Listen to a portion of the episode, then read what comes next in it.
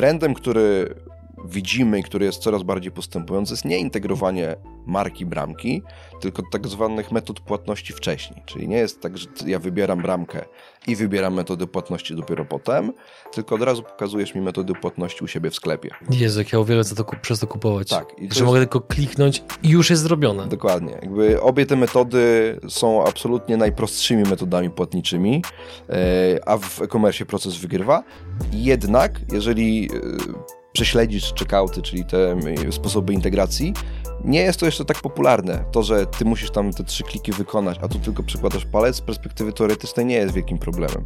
Ale z perspektywy właśnie tych procesów online'owych i tego przyzwyczajenia nas do bezter bezterciowych procesów, to jest gigantyczna różnica już. Drodzy widzowie i słuchacze, witamy Was w kolejnym odcinku cyklu eksperckiego realizowanego z mBankiem pod nazwą Cyfrowe Rewolucje, gdzie celem jest pomoc firmom w rozwoju działań w sieci. Obecnie trwa konkurs dla przedsiębiorców, w którym do wygrania są pakiety usług dedykowanych e-commerce o łącznej wartości ponad 400 tysięcy złotych. Zgłoszenia przyjmowane są do 22 lipca na stronie cyfrowerewolucje.pl, gdzie znajdziecie też bezpłatny kurs skutecznej sprzedaży w internecie i inspirujące przykłady udanych e-commerce'ów. A tymczasem zapraszam Was do wysłuchania kolejnego epizodu Cyfrowych Rewolucji. Oby wiedza w nim zawarta pomogła Waszym firmom. Adrian Gorzycki, Przygody Przedsiębiorców. Witam Was w kolejnym odcinku naszego programu, gdzie tym razem łączymy się z Wami z Warszawy, a moim dzisiejszym gościem jest Jarek Stefański. Dzień dobry. Witam serdecznie. O czym będziemy dzisiaj rozmawiali, Jarku? E, dzisiaj porozmawiamy o płatnościach w e-commerce, o tym e, po co są, jak je dobrze wybrać i jak można na nich skorzystać, żeby nie tylko były, ale pomagały więcej sprzedawać. Wybacz bezpośrednie pytanie, ale e, chcę przybliżyć Twoją sylwetkę naszym widzom i słuchaczom.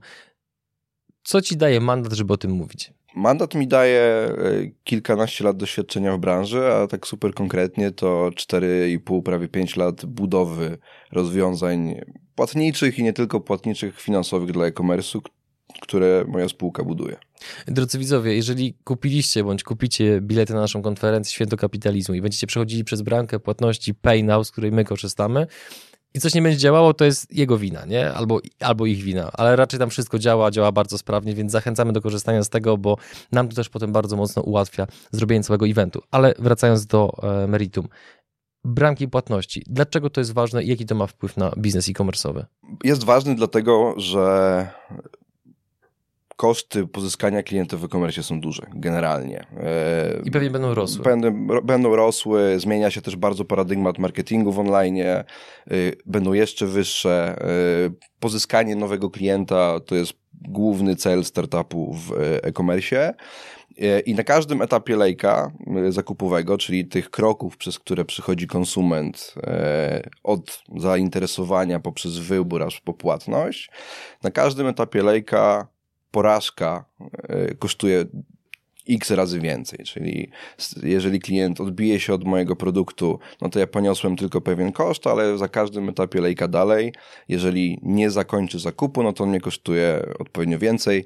Funkcjonuje coś takiego jak tak zwana zasada dziesiątek NASA, czyli na każdym kolejnym etapie porażka jest kosztowna razy, razy 10. A płatność jest na samym końcu tego procesu, w związku z czym jeżeli... No jest elementem też najbardziej bolesnym. Dokładnie, jest elementem najbardziej bolesny, jest element, na który sprzedawca ma najmniej wpływu, no bo na produkt, na jego pokazanie, opis, marketing, który robi ma najwięcej, ale już w pewnym momencie jest trochę pasażerem innych procesów, o których pewnie zaraz porozmawiamy, e, a tam porażka kosztuje najwięcej, bo to jest już tuż przed końcem samego zakupu, ale jednak ten zakup się nie udaje. Mhm. Jakie są najczęstsze błędy, jeżeli chodzi o bramki płatności? Bo mam takie wrażenie, jak sobie rozmawiałem z różnymi osobami, które działają w e-commerce, że ja podczas rozmów z nimi nie czułem tej wagi po ich stronie, że to jest coś aż tak istotnego. Tylko, że co to za filozofia? Podpinam, no jest jakaś tam bramka płatności, jakiś przelew, czy może blik, czy coś i jest po temacie. No ale zakładam, że jest, temat jest prawdopodobnie trochę bardziej złożony. Tak, temat jest bardziej złożony i gdybym miał jednym zdaniem odpowiedzieć, jaki jest największy błąd, to jest ten, który opisałeś. Znaczy, Taka nonszalancja. Nonszalancja, traktowanie tego jako... Yy obowiązku, na który się nie zwraca uwagi, czy e, ewentualnie jako kosztu, który trzeba ponieść i minimal, wybór partnera pod tym kątem tylko i wyłącznie, czyli co jest najtańsze. I tych błędów jest kilka. Widzimy na przykład takim koronnym przykładem traktowania płatności w e-commerce jako kosztu, a nie elementu wpływającego na sprzedaż jest pokazywanie danych do przelewu. E, są nawet dzisiaj e-commerce, które startują w takim modelu, że nie mam bramki płatniczej dostępnej w sklepie, tylko mam numer konta, dane sklepu i to ja jako konsument muszę iść do swojego banku, zalogować się do tego banku, wypełnić druczek y, przelewu i zrobić ten przelew. Już, no mnie, już mnie boli ta historia. Tak, i z perspektywy właśnie konwersji, tak zwanego, takiej, po angielsku się nazywa friction, czyli takiego tarcia w procesie, czyli jakby... To jest dramat. To jest dramat. No jakby dla szczególnie pokolenia, które jest przyzwyczajone do szybkiej konsumpcji, do one-clicków, do prostych procesów, to konwersja takiego procesu będzie zerowa właściwie. I to jest jeden problem. Drugi problem jest taki, że też takim paradygmatem, który funkcjonuje w płatnościach jest to, że im więcej, tym lepiej. I to z kolei skutkuje tym, że widzimy takie checkouty, które wyglądają jak choinki. Jest tam 19 metod płatności. Jak ktoś raz zapytał, to ja to integruję.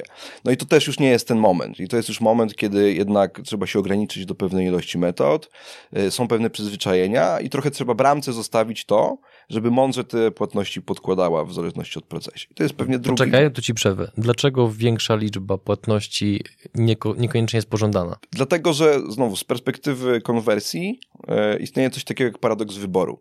E, paradoksalnie im, im większy wybór, tym gorsza konwersja. Tak zwana męka wyboru. Dokładnie. Mhm. Dokładnie to jest ten, ten, dokładnie ten przypadek. Znaczy, jeżeli, musimy w pewien sposób zdecydować za konsumenta, ponieważ im więcej przykładów, czy im więcej punktów wyboru damy, to w teorii zaspokoimy chęci każdej podgrupy, którą mamy, ale w praktyce budujemy chaos, niezrozumienie, y, potrzebę zastanowienia się, zamiast klikać dalej, dalej, dalej, a tego chcemy, żeby konsument klikał dalej, dalej, dalej. Aha. Znaczy, zgadzam się absolutnie z tym, że właśnie to tarcie to jest szalenie istotny element w ogóle w procesie zakupowym, bo ja sam nawet po sobie widzę, po swoich przyzwyczajeniach konsumenckich, że jeżeli nie mam do wyboru wygodnej formy płatności, która oznacza dla mnie jak najmniejszą liczbę klików, tak. to chęć do zakupu drastycznie spada, bądź szukam innego sklepu. Drugi element, jeżeli widzę, że nie mogę odebrać paczki w paczkomacie albo w jakimś punkcie, tylko jest jedyną opcją kurier, wychodzę. Perspektywa tego, że mam znowu przeżyć sytuację, że ktoś zadzwonił o 7 rano, mówiąc, że będzie o 8, a przyjedzie o 15. Tak. Tutaj chciałem powiedzieć coś, ale nie powiem tego. Kontynuując dalej. E, powiedziałeś, że powinniśmy raczej zaufać temu, żeby bramka płatności była dobrze skonfigurowana. Nie, tak. wiem, czy to dobrze powtórzyłem. Co to znaczy? To znaczy, że e, budując checkout w sklepie, e, bramka płatnicza jest... Też jeszcze uściślimy. Checkout to jest to miejsce, gdzie jakby już wybierasz opcję płatniczą. Tak, checkout to jest to miejsce, gdzie już zbudowałeś koszyk, wiesz, mhm. co chcesz kupić i teraz przychodzisz do tej części, którą merchant trochę oddaje w czyjeś ręce. No i teraz y, taka rzecz jak dobór metod płatności, na przykład w kontekście tego, jak duży jest koszyk, albo czym płaci już ten konsument, y, jeżeli jest robiona w kontekście jednego sklepu, to zawsze jest nieefektywna. Czyli jakby, mówiąc inaczej, ty jako sprzedawca E, znasz zachowania konsumenta, który u ciebie kupuje tylko u ciebie w sklepie. Jeżeli on już ciebie kiedyś kupił, no to możesz zapamiętać, że on płacił na przykład blikiem albo paymalinkiem, ale bramka, ponieważ tego konsumenta spotyka w innych sklepach jest w stanie ten profil kupującego zbudować lepiej i podstawić mu taką metodę płatności, którą, którą bramka wie, że on płacił często. No i znowu, z perspektywy tego, że tam nie ma y, dużej ilości metod płatności, ale trochę bramka za ciebie i za konsumenta podstawia jego ulubioną metodę płatności, przez to znowu jest to dalej, mhm. dalej, dalej, na którym nam tak, y, nam, nam tak zależy. I to jest jakby pierwszy aspekt, czyli ty jako sklep mógłbyś się zastanowić nad tym, ok, chcę mieć blika pierwszego, paybalinki drugie, nie nie wiem, Buy Now Pay Later trzecie, ale to jest twój tylko jakby wybór, który ty w oparciu o swoje jakby przekonania yy, budujesz, a w takie rzeczy... Które, nie, które niekoniecznie muszą być reprezentatywne dla całego rynku. Absolutnie. I pewnie nie są. Po pierwsze, a po drugie, które ty budujesz w kontekście specyfiki swojego produktu, ale na przykład ty już nie, nie myślisz o tym, czy metoda płatności ma jakieś limity którymi się nie da zapłacić, no, powyżej, mhm. powyżej pewnego progu. Bramka o tym myśli. No i na przykład, y, trzymając się przykładu, jeżeli blika pokażesz na numerze 1, to, to pewnie nie będziesz budował sam u siebie w sklepu mechanizmu, gdzie jak koszyk wynosi x złotych, to blika nie pokaże na numerze 1, a bramka to zrobi, po to, żeby ktoś, kto płaci za twój produkt, jeżeli on jest drogi, nie odbił się od limitów, którą na przykład blik ma i, no i tak mhm. dalej, i tak dalej. W związku z czym jest pewna niuansowość metod płatności, jest pewna specyfika do transakcji, do których one pasują i każdy jeden sklep tego nie będzie budował, a bramka może. I dostarcza to trochę na zasadzie takiej as a service. Znaczy, mhm. Czyli zatrzymajmy się, bo mieliśmy taką sytuację, też a propos właśnie naszego eventu, gdzie mieliśmy tego typu problem, że ludzie do nas często pisali, że hej, nie mogę dokonać transakcji i jak się okazywało, problemem było to, że w bliku mieli ustawiony limit 1000 zł, Tak. a że bilet był chyba na poziomie 1100 albo 1200, Tak. no to to z automatu powodowało gigantyczne tarcie. Dokładnie Tak, tak. naprawdę. Więc co by w takiej sytuacji powinniśmy zrobić przed kolejnym eventem, z twojej perspektywy? Z mojej perspektywy, w, w, już przed kolejnym eventem powinniśmy cię jako metodę preferowaną albo wy u siebie w sklepie, albo oddać to właśnie bramce płatniczej, pokazywać metodę, która ma limity pasujące do waszego, do wartości waszego koszyka. Blik ma Widzisz, limity to jest niskie, przydatne bardzo. Mhm. e, dlatego, że jest metodą, znaczy ina, e, może po inaczej, jakby to jak em, trudna metoda jest w płatności, jest zawsze odwrotnie proporcjonalne do tego, jakie jest ryzyko, a ryzyko jest powiązane z wartością zamówienia. Znaczy, nie, nie, nie ma metod bardzo łatwych na bardzo wysokie wartości, no bo tam ryzyko fraudu rośnie,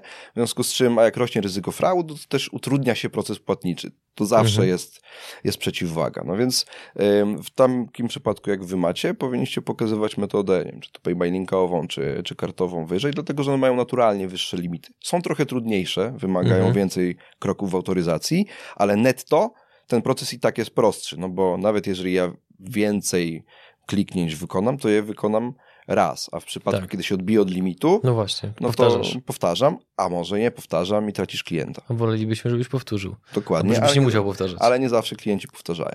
No właśnie. E, Drugą, drugim mechanizmem, który niektóre branki realizują w podobnych przypadkach, jak opisałeś, jest e, specyficzne mechanizmy podnoszenia takich transakcji. Czyli są bramki, które działają w ten sposób, że jeżeli tobie się nie uda jedna transakcja, no to cofną konsumenta do wyboru metod płatności i pozwolą mu zmienić tą metodę płatności na inną, ale ciebie jako sprzedawcy to jeszcze nie dotyka. W sensie to dalej robi bramka płatnicza po to, żeby jak najwięcej Uratować. dokładnie tyle transakcji uratować, żebyś ty się nie martwił na przykład dodatkowym mailingiem albo dodatkowymi obdzwonkami, które musiałbyś robić do koszyków, które są porzucone. Mhm.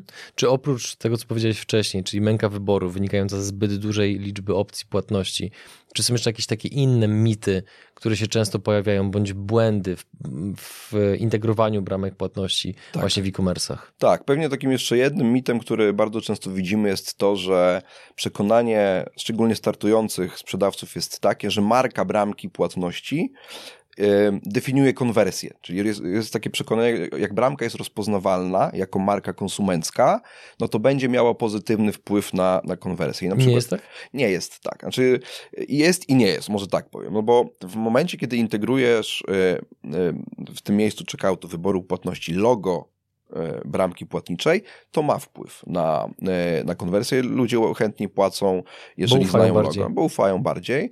Natomiast trendem, który widzimy i który jest coraz bardziej postępujący, jest nie integrowanie marki bramki, tylko tak zwanych metod płatności wcześniej. Czyli nie jest tak, że ja wybieram bramkę i wybieram metodę płatności dopiero potem, tylko od razu pokazujesz mi metody płatności u siebie w sklepie. Czy to jest właśnie link, payment link i Mhm. tak dalej. Jest to jeden klik mniej, a po drugie marki metod płatności banków są rzędy bardziej rozpoznawalne niż jakiejkolwiek bramki płatniczej. W związku z czym, jak my pracujemy ze startupami, którzy zaczynają w e-commerce, to zawsze y, sugerujemy im integrowanie nie y, marki bramki, tylko właśnie metod płatności na, na checkoutie. Mhm. I wtedy krótszy proces, ludzie widzą to, co znają, czyli loga banków, loga blika, loga kart i tak dalej. Mhm. I wszyscy jakby wygrywają w tym procesie. Mhm. Czy jeszcze jakieś inne mity, błędy?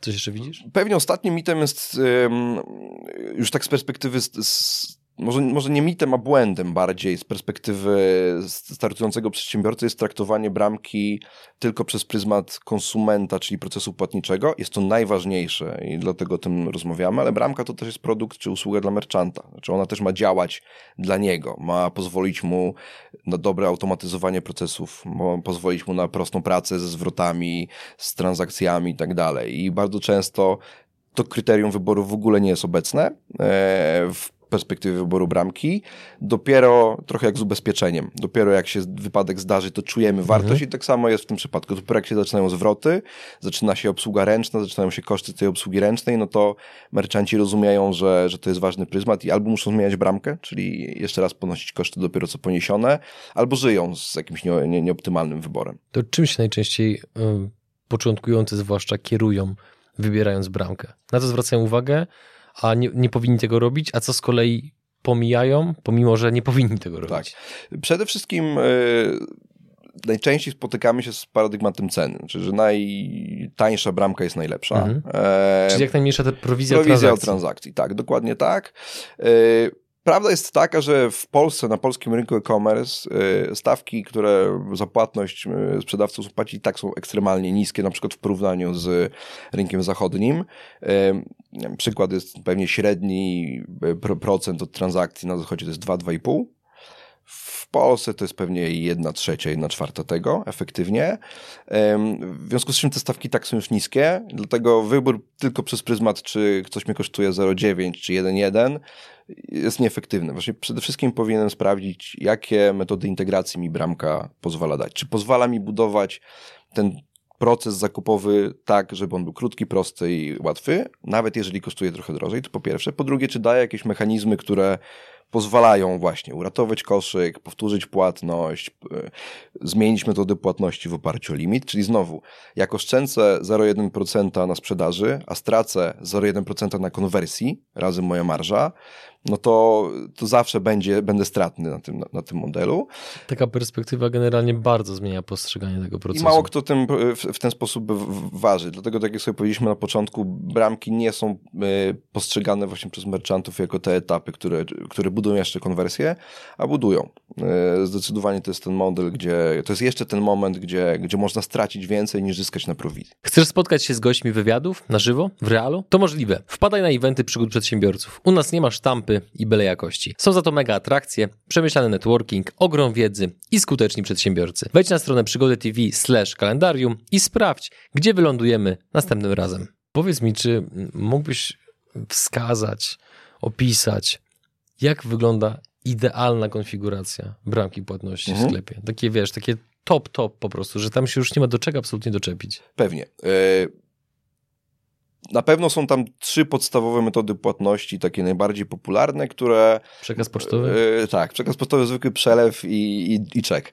E, czyli, czyli blik, tak zwane szybkie przelewy i, i karty płatnicze. E, one są najbardziej popularne i najbardziej uniwersalne, niezależnie od tego, jaki towar sprzedajesz, czy jaką usługę świadczysz. E, on top tego funkcjonują e, metody płatności, które są trochę bardziej niszowe, które trzeba już przemyśleć pod kątem, pod kątem tego, co twoja firma robi, albo jakie produkty i usługi oferujesz. I tutaj wracając trochę do tej, do tego mitu, im więcej, tym lepiej, e, to takie płatności jak finansowanie kredytowe, jak leasing online, czy jak buy now, pay later, to już są metody, gdzie trzeba się zastanowić, czy dodawanie ich zawsze do mojego checkoutu jest optymalne. Właśnie jakby wychodząc trochę z tego paradygmatu, że im więcej, tym lepiej. W związku z czym to są na pewno te trzy metody płatności, plus kolejne dobrane w oparciu o twój już konkretny profil działalności, zintegrowane w tak zwanym właśnie, e, to się w branży nazywa levelu zero, czyli bez przekierowania do bramki, tylko w, na stronie checkoutu, że te loga metod płatności są widoczne, e, ja, dla mnie, dla konsumenta przy koszyku. I pewnie to są takie dwa najważniejsze punkty, które, mhm. na które bym zwrócił uwagę na, dla przedsiębiorcy, który startuje w e-commerce. No i teraz właśnie, nadal. Przedsiębiorca, który startuje w e-commerce, bądź generalnie w każdym biznesie, bardzo często niestety będzie się uczył na własnych błędach. Będzie za to płacił, będzie miał nieprzespane noce, będzie chodził lekko podminowany, że znowu się stało to, tamto, czy coś innego, bo tego nie przewidział. Mm, ja wielokrotnie spotykałem się z czymś takim, że to było w różnych branżach, natomiast chodzi mi o pewną mechanikę, że moi koledzy przedsiębiorcy czasami zbyt bardzo ufali na przykład swojemu jakiemuś jednemu doradcy, jakiemuś specjaliście, który twierdził, tak, tak, wszystko jest ok, powinno tak być. A okazywało się, że na przykład takie coś bardzo mocno widzę chociażby e, w branży krypto, że tam jest bardzo dużo osób, które są bardzo techniczne, i jednocześnie bardzo mało osób, które są takie trochę bardziej UX-owe, że rozumieją właśnie, żeby te tarcie eliminować i tego typu rzeczy. No i te, teraz powiedz mi, jak taki przedsiębiorca w kontekście bramki płatności, w kontekście e-commerce'u może sprawdzić, czy ten jego doradca, specjalista, który mu mówi, słuchaj Jarek, naprawdę wszystko jest top, top, top, super, nie? Jak on może sprawdzić, czy ten specjalista przypadkiem, wiesz, nie uległ, nawet, nawet nie chodzi o złe intencje. Tu chodzi nawet bardziej o to, że tamten y, specjalista jest w pewien sposób już utorowany, ma zupełnie inne kompetencje, zakochał się w tej konfiguracji, którą sam stworzył, więc nie dopuszcza w ogóle myśli, że może być jakoś inaczej. Więc jak mogę zweryfikować, czy klienci się po prostu nie męczą, mhm. dokonując zakupów w moim sklepie. Jasne.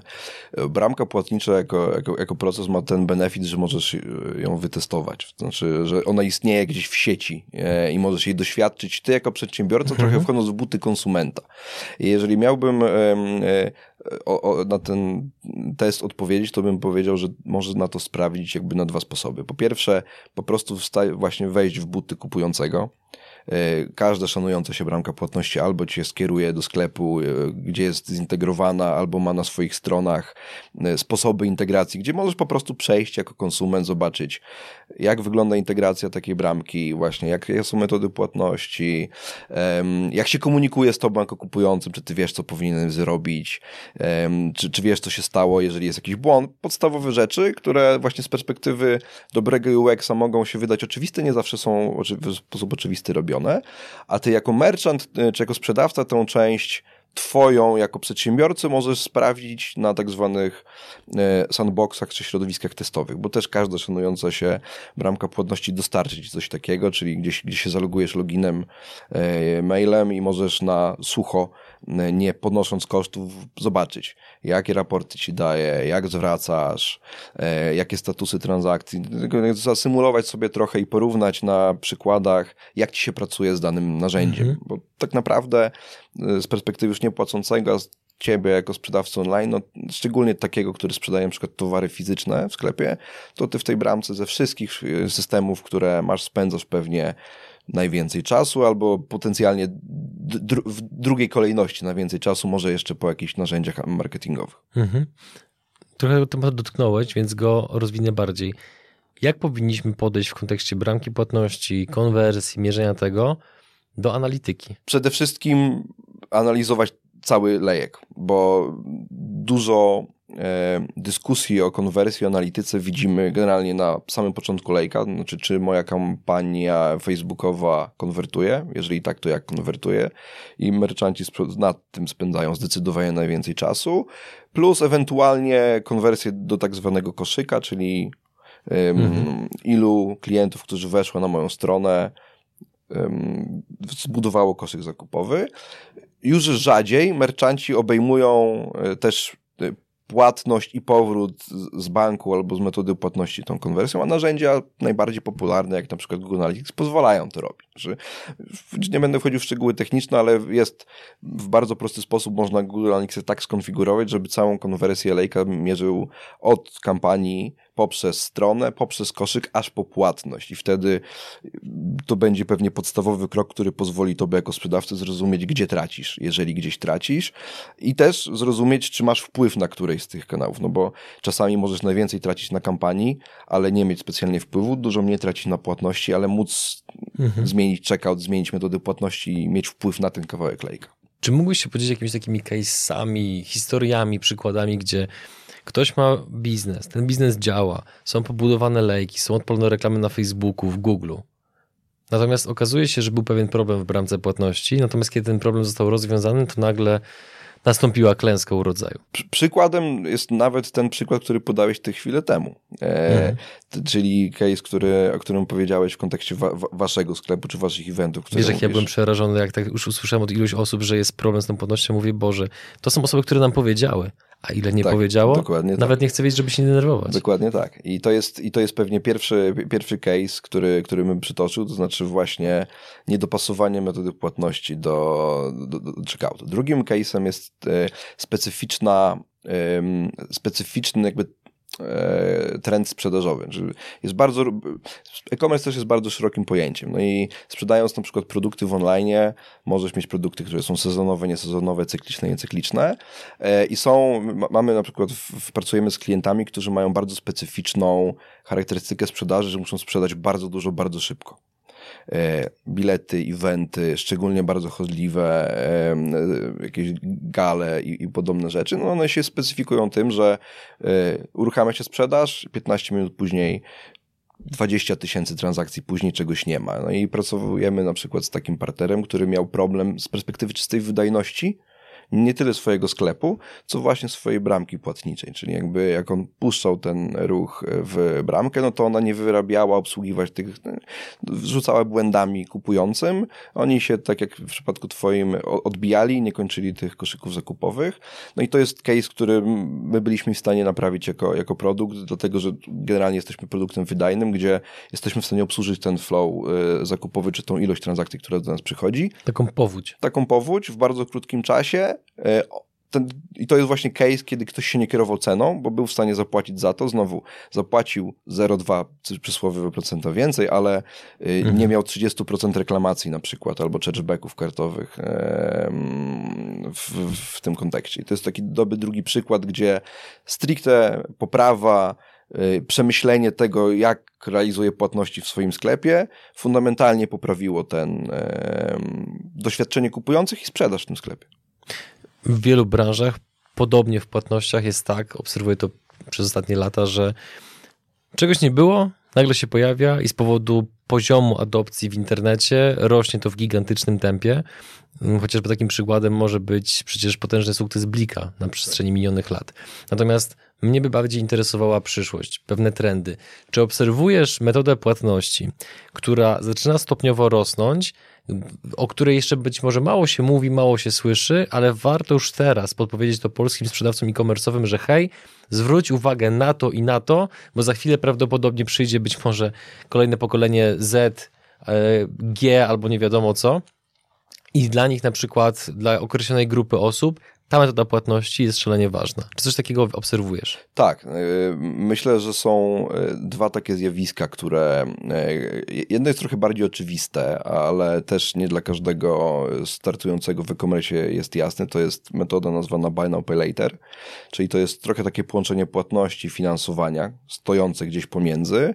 Ono jest już w Polsce na rynku dość mocno obecne, ale to, to jest też taka metoda płatności, która jeszcze jest świeża. Ona zaczęła 3-4 lata temu swoją adopcję budować, w związku z czym, jeżeli mówimy o trochę krótszym horyzoncie czasowym, no to e, to, to bym postawił jako, jako numer jeden. Numer dwa, no to e, na dzień dzisiejszy to jest też dość oczywiste, ale też nieoczywiste, znaczy Google i Apple.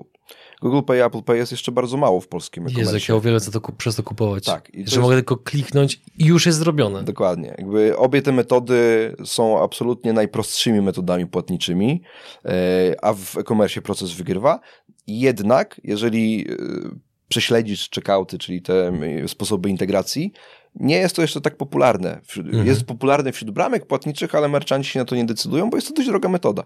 I tu wracamy do tej naszej dyskusji o tym, czy najtańsze jest najlepsze. No bo dla mnie, dla konsumenta, podobnie jak dla ciebie, jak widzę Apple Pay'a czy Google Pay'a, zawsze tym płacę, no bo to jest najprostszy proces. I tutaj bym powiedział, że myślę, że to będzie rosło. Tego jest jeszcze bardzo mało w e-commerce. Myślę, że merchanci będą coraz bardziej świadomi w kontekście tego, ok, jestem w stanie zapłacić trochę więcej właśnie za ten one click, za ten Face ID i za ten, za ten palec, bo znowu skonwertuję więcej.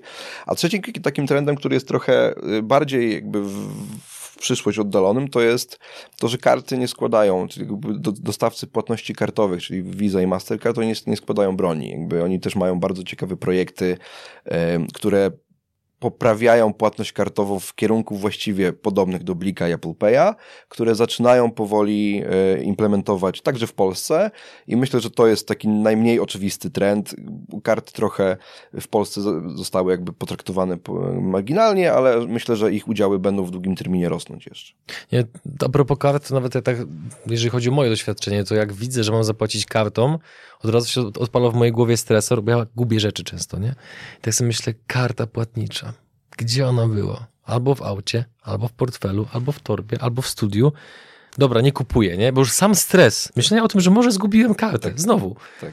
To, to, to, ja bardzo dziękuję. A, a propos Apple Pay'a, to powiem ci, że dla mnie w ogóle obserwowanie nawet też znowu, jak ja dokonuję zakupów przez Apple Pay'a, no to tak z racji tego, że odrobinę się interesuję psychologią, to fascynuje mnie to, z jaką łatwością i chęcią ja wydaję pieniądze przy tak łatwej, łatwej metodzie płatności, gdzie jak, gdzie jak sobie porównuję, na przykład zdarzyło mi się jednego dnia, że kupowałem towary o podobnej wartości, mhm. zarówno pod kątem finansów, jak i użyteczności dla mnie.